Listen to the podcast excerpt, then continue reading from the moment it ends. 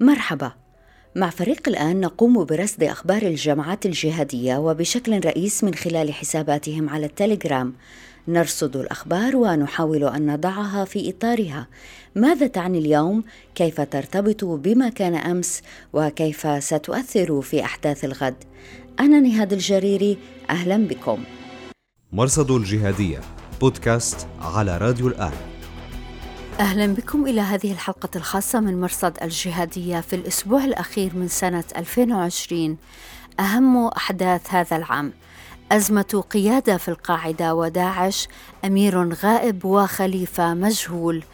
الجولاني يخرج القاعدة من الشام علاقة شائكة بين طالبان والقاعدة وتناحر بين الجهاديين على الموارد في غرب إفريقيا.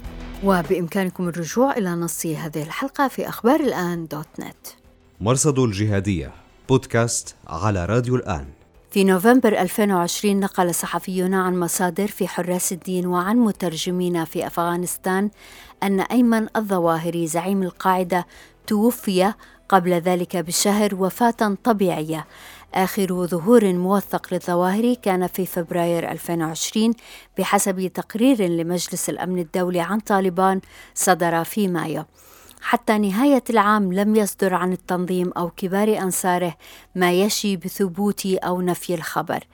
الظواهري مريض وغائب رسائله التي تبثها مؤسسة السحاب منسلخة عن الواقع على الأقل منذ الربع الأخير من العام 2019 فلا يمكن اعتبار ما يبث دليل حياة. المهم في هذا كله هو من سيخلف الظواهري على رأس التنظيم. الظواهري كان يحضر حمزة بن أسامة بن لادن لتولي القيادة لكن حمزة قتل في قصف أمريكي في 2019 ولما يؤكد التنظيم ذلك. من بقي إذن؟ في الربع الأخير من 2020 أكدت السلطات الأفغانية قتل حسام عبد الرؤوف مسؤول القاعدة الإعلامي وأحد مساعدي الظواهر وعضو مجلس شورى قيادة التنظيم. ونقلت نيويورك تايمز عن مسؤولين أمريكيين أن أبا محمد المصري نائب الظواهر الأول اغتيل في طهران في أغسطس وهي القصة التي تتبعناها في أخبار الآن من حساب أنباء جاسم منذ أكتوبر. لم يصدر شيء رسمي عن التنظيم بخصوص أبي محمد المصري لكن مجموعة أنصار مخضرمة نشرت بعد أيام تعزية. سرعان ما سحبتها مع اعتذار انتظارا للخبر الرسمي. المصري كان حمى حمزة بن أسامة بن لادن وكان ضمن مجموعة من كبار قادة القاعدة أقاموا في طهران بعد غزو أفغانستان بموجب اتفاق مع إيران. منهم سيف العدل المسؤول العسكري والرجل الثالث في التنظيم. في 2015 أطلق سراح عدد منهم في تبادل سجناء مع قاعدة اليمن.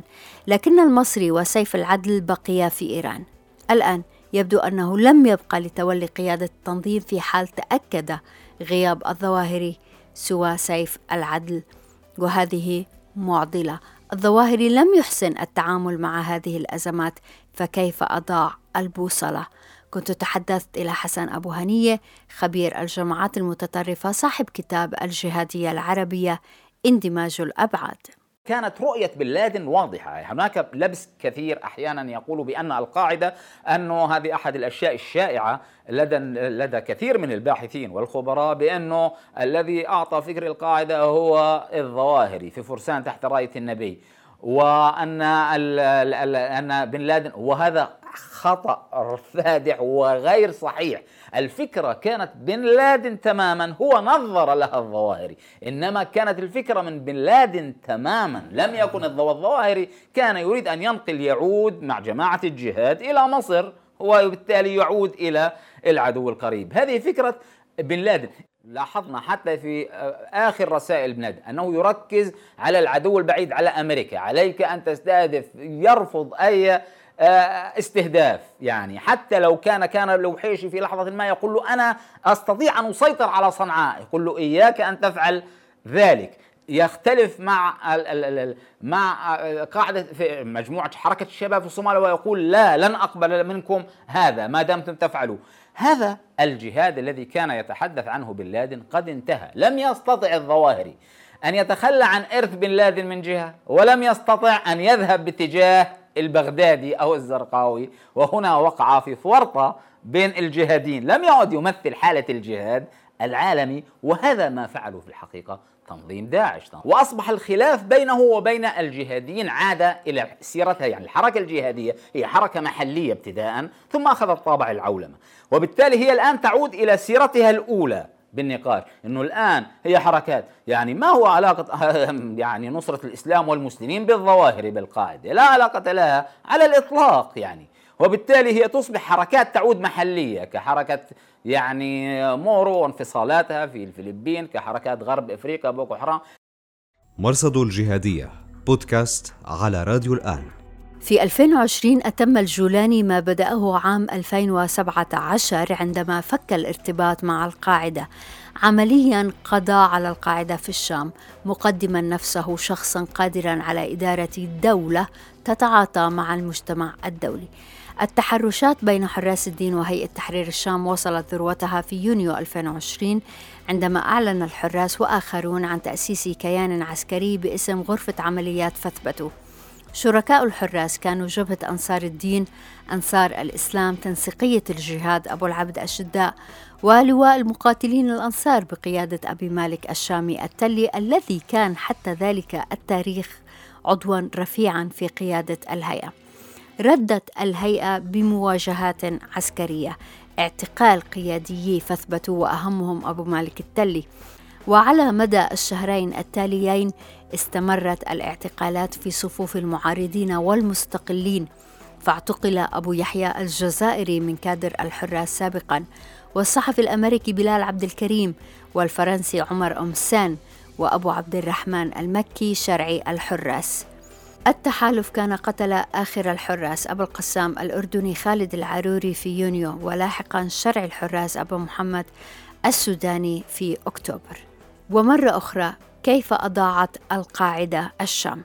تحدثت إلى مروان شحادة الخبير في الجماعات المتطرفة صاحب كتاب تحولات الخطاب السلفي الحركات الجهادية. يعني هذا يؤكد أن الظواهر ابتداء وقع في خطأ كبير حينما آه، طلب من آه، مخلفات آه، عناصر جبهة النصرة أن يشكلوا تنظيم بأي تسمية جديدة والتنسيق في العمل مع الفصائل الكبرى ومنها هيئة تحرير الشام.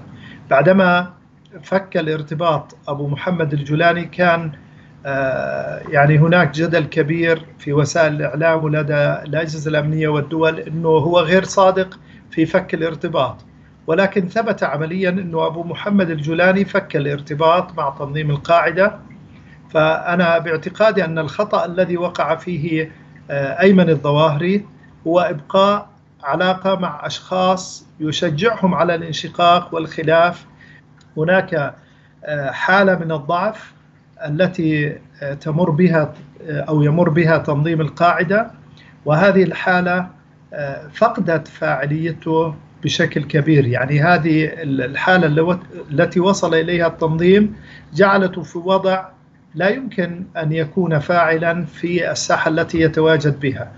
فبالتالي آه، أنا في اعتقادي أن تنظيم القاعدة انتهى بعد مقتل آه، آه، أسامة بن لادن وأصبحت فاعليته يعني مخلفات تنظيم القاعدة. في اليمن الآن انشق أيضا التنظيم وأصبح تنظيمان. في ليبيا انتهى أنصار الشريعة انتهت وفي مالي أيضا تم قتل زعيم التنظيم أبو مصعب درودكال الجزائري عبد الودود درودكال وقيادات أخرى. فبالتالي تنظيم القاعدة وعصر الجماعات.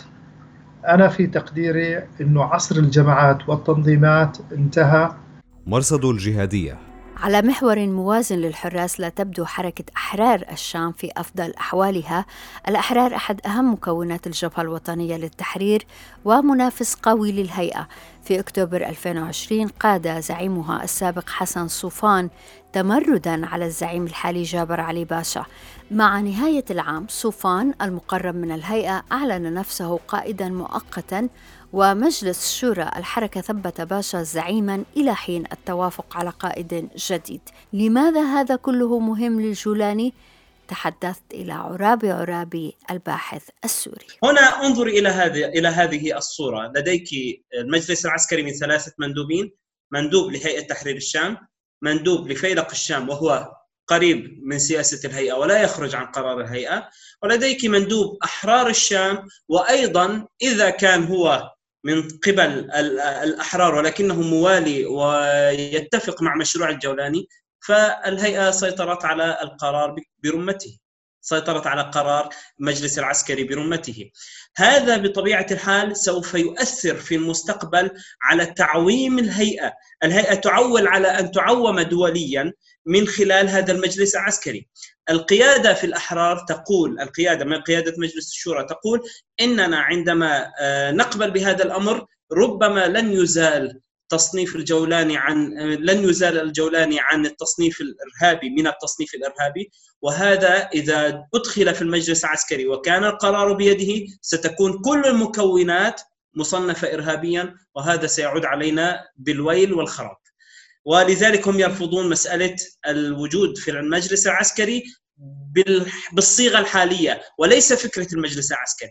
بالصيغة الحالية وهي أن يكون الفيلق الموالي للهيئة والأحرار موالي للهيئة وبطبيعة الحال القرار بيد الهيئة. هم يرفضون هذه الصيغة. مرصد الجهادية. في 2020 كثف الجولاني ظهوره العلني بالرغم من مكافأة العشرة ملايين دولار لمن يدلي بمعلومات عن مكانه. في مايو وفي جولة في جبل الزاوية يقال إن الحضور سألوه عن نسبه فقال إنه أحمد الشرع سوري من الجولان وبهذا حسم جدلا حول هويته. فكيف استطاع هذا الشاب أن يقسم الجهاد مرتين؟ مرة مع البغدادي ومرة مع الظواهري.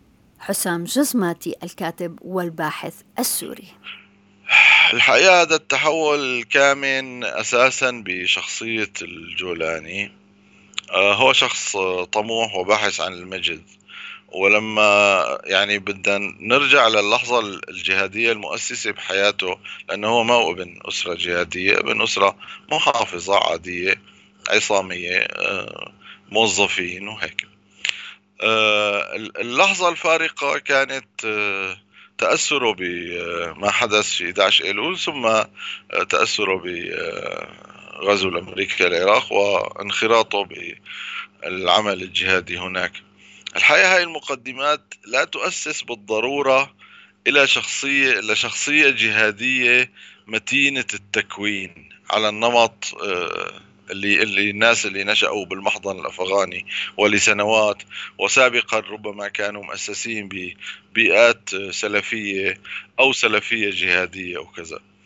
ف آه، أنا أعتقد أنه الجولاني بعد فترة قصيرة ربما في السجن أو كذا تراجع كثير إيمانه بالحالة الجهادية. يعني ما بدنا نحن ناخذ خيار شاب أنا بدي أكرر أنه هو في العشرين أنه بصفته خيار نهائي لشخص ناضج.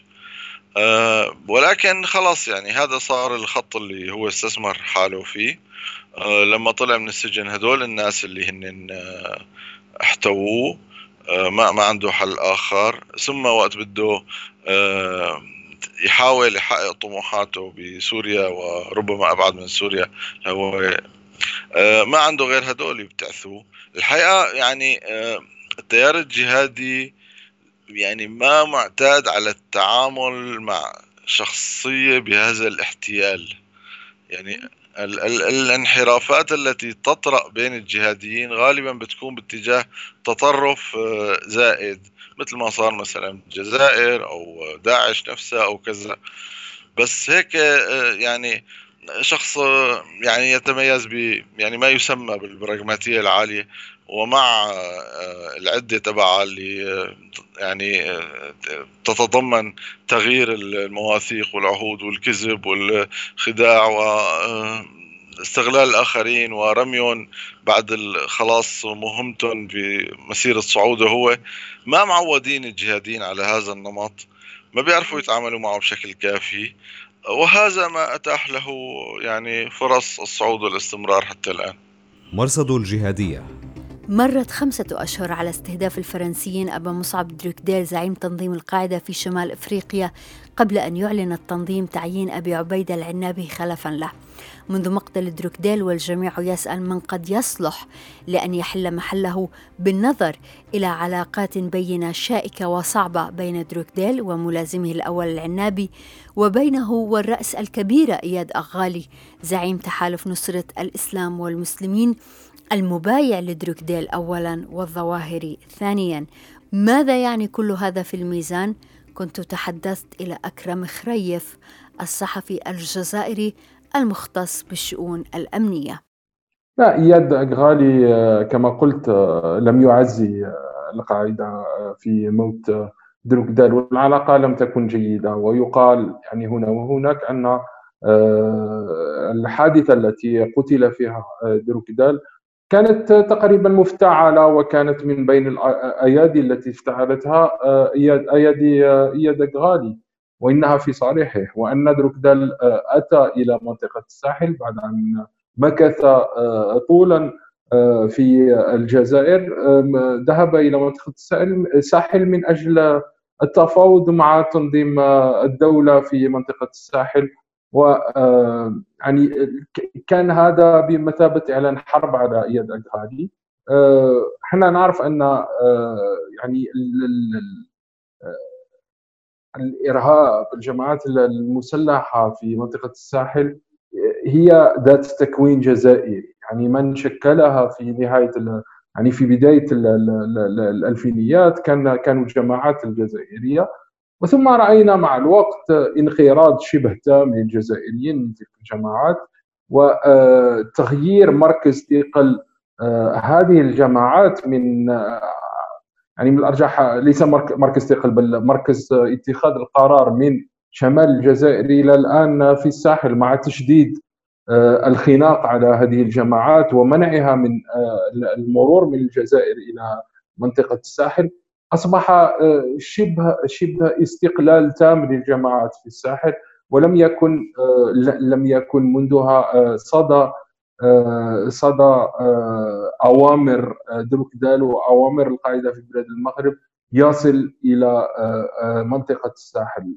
لكن نعم كان فيه معركة نفوذ بين بين يد غالي ودروكدال معركه نفوذ وأيضا حتى معركة إيديولوجية لأن من الناحيه الإيديولوجية اغالي مرن. مرن وسياسي وهو سياسي محنك و آه، يعني يستوعب مبدأ التفاوض ومبدأ يعني هدفه هو هدف سياسي وهي بسط سيادته على شمال مالي. هذا هو هدفه. بينما هدف القاعدة في بلاد المغرب وبالخصوص دروكدال هو أنه لن يتفاوض مع أحد وأنه سي يعني يقبل على الحرب حتى النهاية. وماذا قلت عن البيان الذي يعني يشدد عن آه، وطأة العلاقات بين الجماعتين أظن أنه محاولة حفظ ماء الوجه من ناحية القاعدة في المغرب ولتبيين آه، أن العلاقة لا زالت وطيدة ولا زالت آه، قائمة بين المنظمتين ولكن يعني الواقع يثبت عكس هذا. مرصد الجهادية بودكاست على راديو الآن. في يناير 2020 وقعت طالبان اتفاقية سلام مع أمريكا تدخل بموجبها في مفاوضات حكم مشترك مع بقية الأطياف في أفغانستان ولا تشن أو تسمح بشن هجمات ضد المصالح الغربية. الاتفاق يشكل حرجا للقاعدة الذين يعتبرون التشاركية في الحكم كفرا ناهيك عن الجزء المتعلق بالعلاقة مع القاعدة في آذار القاعدة الرسمية أشادت بالاتفاق ووصفته بالانتصار التاريخي الكبير. محمد سفر أستاذ مقارنة الأديان والباحث في الحركات الإسلامية درس طالبان عن قرب. آه، حركة طالبان دفعت ثمن حمايتها لهذا التنظيم أو يعني توفير بيئة لهذا التنظيم حتى أن أنا في رأيي حركة طالبان كانت حركة وطنية آه، يعني محلية محدودة. لم تكن حركة عالمية حينما أعلنت عن نفسها يعني.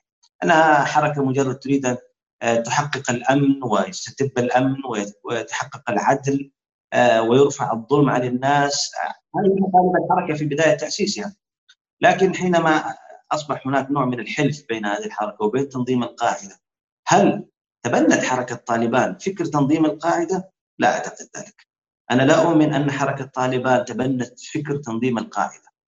تنظيم القاعدة لا يزال تنظيم مستقل هناك مصالح تربط هذه الحركة. أنا ذكرت في الكتاب أن من بعض تلك المصالح العلاقات ومن وتمويل قد تستطيع القاعدة ووفرت في الحقيقة تنظيم القاعدة لأن القاعدة كانت لها شبكة من الممولين في تلك الفترة تحديدا. يعني الآن القاعدة أصبحت إلى حد ما ضعيفة ليست بنفس نشاطها السابق. لكن في تلك الفترة حينما تحالفت القاعدة مع حركة طالبان كانت القاعدة شبكة واسعة من العلاقات تستطيع أن توفر التمويل لحركه طالبان والآن حتى في اتفاقية آه، الدوحة هناك بند ينص على فك هذا الارتباط يعني وعدم توفير هذه البيئة الحاضنة للقاعدة وغيرها من التنظيمات الإرهابية. آه، في رأيي آه، الارتباط آه، هناك ارتباط يعني البعض يقول يرى أن حركة طالبان كونها حركة قبلية اي أنها تحتكم إلى الأعراف القبلية في بعض تعاملاتها. فربما القبائل ترفض آه، مثل هذا النوع كما كما كان هذا هو الدافع في الحقيقة في البداية يعني حينما طالبان أصرت من موقف قبلي أنها ستحمي آه، القاعدة وأنهم لن يسلموا مسلما لكافر من أجل أن يحاكموا إلى آخره سواء من ناحية قبلية أو من ناحية إسلامية.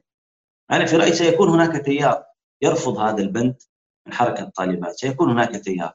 بينما هناك تيار آخر دعني أقول أنه تيار يميل إلى تغليب المصلحة الوطنية على هذه المصلحة خصوصا وأنهم يرون أن القاعدة الآن لم تعد كالسابق وأنها انتشرت في بلاد أخرى ويمكن لها أن تجد مأوى في بلاد يعني ربما يسهلون عملية خروج تنظيم القاعدة ويعني استيطانهم في مناطق أخرى. حاليا يعني مناطق توتر يعني. مرصد الجهادية. في عام 2020 تسلمت السلطات العراقية القيادية الداعشي من الصف الأول والمعتقل لدى قوات سوريا الديمقراطية قسد عبد الناصر قرداش وكان رئيس اللجنة المفوضة أيام البغدادي واعتقل في الباغوز في 2019 في 2020 تم أيضا تحييد حجي تيسير معتز نومان الجبوري عضو اللجنة المفوضة في داعش والمشرف على ولاية العراق. لكن الأهم حتى نهاية العام لا يزال خليفة داعش مجهول. فمن هو أبو إبراهيم الهاشمي القرشي الذي خلف البغدادي في نوفمبر 2019 يبدو أن الجميع يرجح أنه أمير محمد عبد الرحمن المولى السلبي المعروف باسم حجي عبد الله قرداش وهنا مشكلتان. تيار البن علي المنشقون عن داعش كتبوا في نوفمبر 2019 أن قرداش مبتور الرجل اليمنى وفي هذا مخالفة شرعية للشروط الواجب توفرها في الخليفة. وبحسب وثائق أفرج عنها مركز CTC لمحضر الاستجواب التكتيكي مع المولى عندما كان معتقلا في سجن بوكا في الموصل في يناير 2008 ثبت أنه وشى بالعشرات من عناصر التنظيم. فكيف سيتعامل أنصار التنظيم مع هذا الخليفة؟ الصحفي الاستقصائي في آي تي في البريطانية تام حسين. I, I actually think to myself, um, أعتقد أن الأنصار لا يهمهم إن كنا نعرف هوية الرجل أم لا. ثمة أمور تهمهم مثل أنه قرشي وأنه عالم لأن هذه الأمور تتعلق بالإرث الإسلامي. أبو بكر البغدادي كان مهما لديهم وحقق أمورا عظيمة برأيهم وحتى في المنطقة. تخيلي معي عندما سيطر على المدن والبلدات. كان ذلك كالصاعقة بالنسبة لنا ولن ننساها. أما هذا الخليفة الجديد فلم يأتي بأي فعل على الإطلاق. وما من شك في أن ذلك سيؤثر على نظرة الآخرين له الله يحتاج إلى أن يأتي أمر يكون له كالبصمة. البغدادي سيطر على الموصل والموصل ليست مدينة صغيرة ولهذا ينتظر من الخليفة الجديد أن يأتي بما يوازي ما فعله البغدادي بغض النظر عن نظرتنا نحن إلى هذا التنظيم. So all of these things he achieved. So that's that's what he has to match up to. It's irrespective of whether you know what regard we hold him in. I, I think the rank and file أعتقد لن يكترثوا وسيقولون حاضر. إن قال إنه قرشي فسوف يصدقه الأتباع بغض النظر عما يقوله الآخرون سواء جماعة البن علي أو غيرهم. أنصار التنظيم اليوم يتصرفون كأتباع طائفة مثل طائفة الحشاشين التي ذكرناها سابقا. يتبعون زعيمهم تبعية عمياء فإن قال إنه قريشي وعالم فلن يشككوا في ذلك. لكن أعتقد أن عليه أن يماثل ما فعله سلفه. Do something to match his predecessors, you know, to his predecessor. في فبراير 2020 أعلن تنظيم القاعدة في شبه جزيرة العرب تعيين خالد بطرفي زعيما للتنظيم خلفا لقاسم الريمي الذي قتل في يناير المشكلة في بطرفي هو أنه لا يحظى بإجماع أنصار التنظيم لافتقاره الخبرة العسكرية ناهيك عن وباء الجاسوسية الذي يفتك بالتنظيم برز سوء إدارته فيما صار يعرف بالاعتزال الكبير أو انشقاق النهديين. في 2020 اتخذ داعش موطئ قدم في موزمبيق ابتداء من مارس. هاجم التنظيم أكثر من بلدة في إقليم كابو دلغادو حيث مشاريع الغاز التي تقدر ب 60 مليار دولار وسيطروا على ميناء في موسيمبوا دا برايا في مايو 2020 ولأول مرة كشف تنظيم داعش عن اقتتال مستعر مع تنظيم القاعدة في غرب إفريقيا والساحل خاصة في المثلث الواصل بين مالي والنيجر وبوركينا فاسو. حتى ذلك التاريخ تميزت العلاقة بين التنظيمين في هذه المنطقة بنوع من التعايش عن الاقتتال بين الجهاديين وأثره على سكان المناطق المنكوبة. تحدثت إلى بولاما بوكارتي الباحث في معهد توني بلير لندن. You know, some people may say, oh, there are two bad elements لكنني أود أن أحذر من أمر مهم. البعض يستبشر عندما يرى عدوين يتقاتلان. نقول لا بأس عليهما هذا أمر جيد. لكن الحقيقة هي أنه ليس أمرا جيدا لأن هذا التنافس سيزيد من جهود التجنيد وتطوير تقنيات وأدوات الحرب بينهما وستحاول كل مجموعة أن تكون أفضل من الأخرى وهذا كله على حساب المدنيين والجيش سواء. الاقتتال الداخلي في الجماعات الجهادية ليس أمرا جديدا. رأيناه بين داعش المركزية والقاعدة لكنه لم يوقف أيا منهما عن تطوير أدوات القتل. ما لم تجتمع دول بحيرة تشاد وتصمم استراتيجية لاستغلال هذا التناحر لمصلحتها فلن يكون الاقتتال خبرا جيدا وشكرا جزيلا لوجودكم معنا في راديو وتلفزيون الآن. بإمكانكم الرجوع إلى نص هذه الحلقة في أخبار الآن دوت نت. عام سعيد أنا نهاد الجريري. مع السلامة. مرصد الجهادية بودكاست على راديو الآن.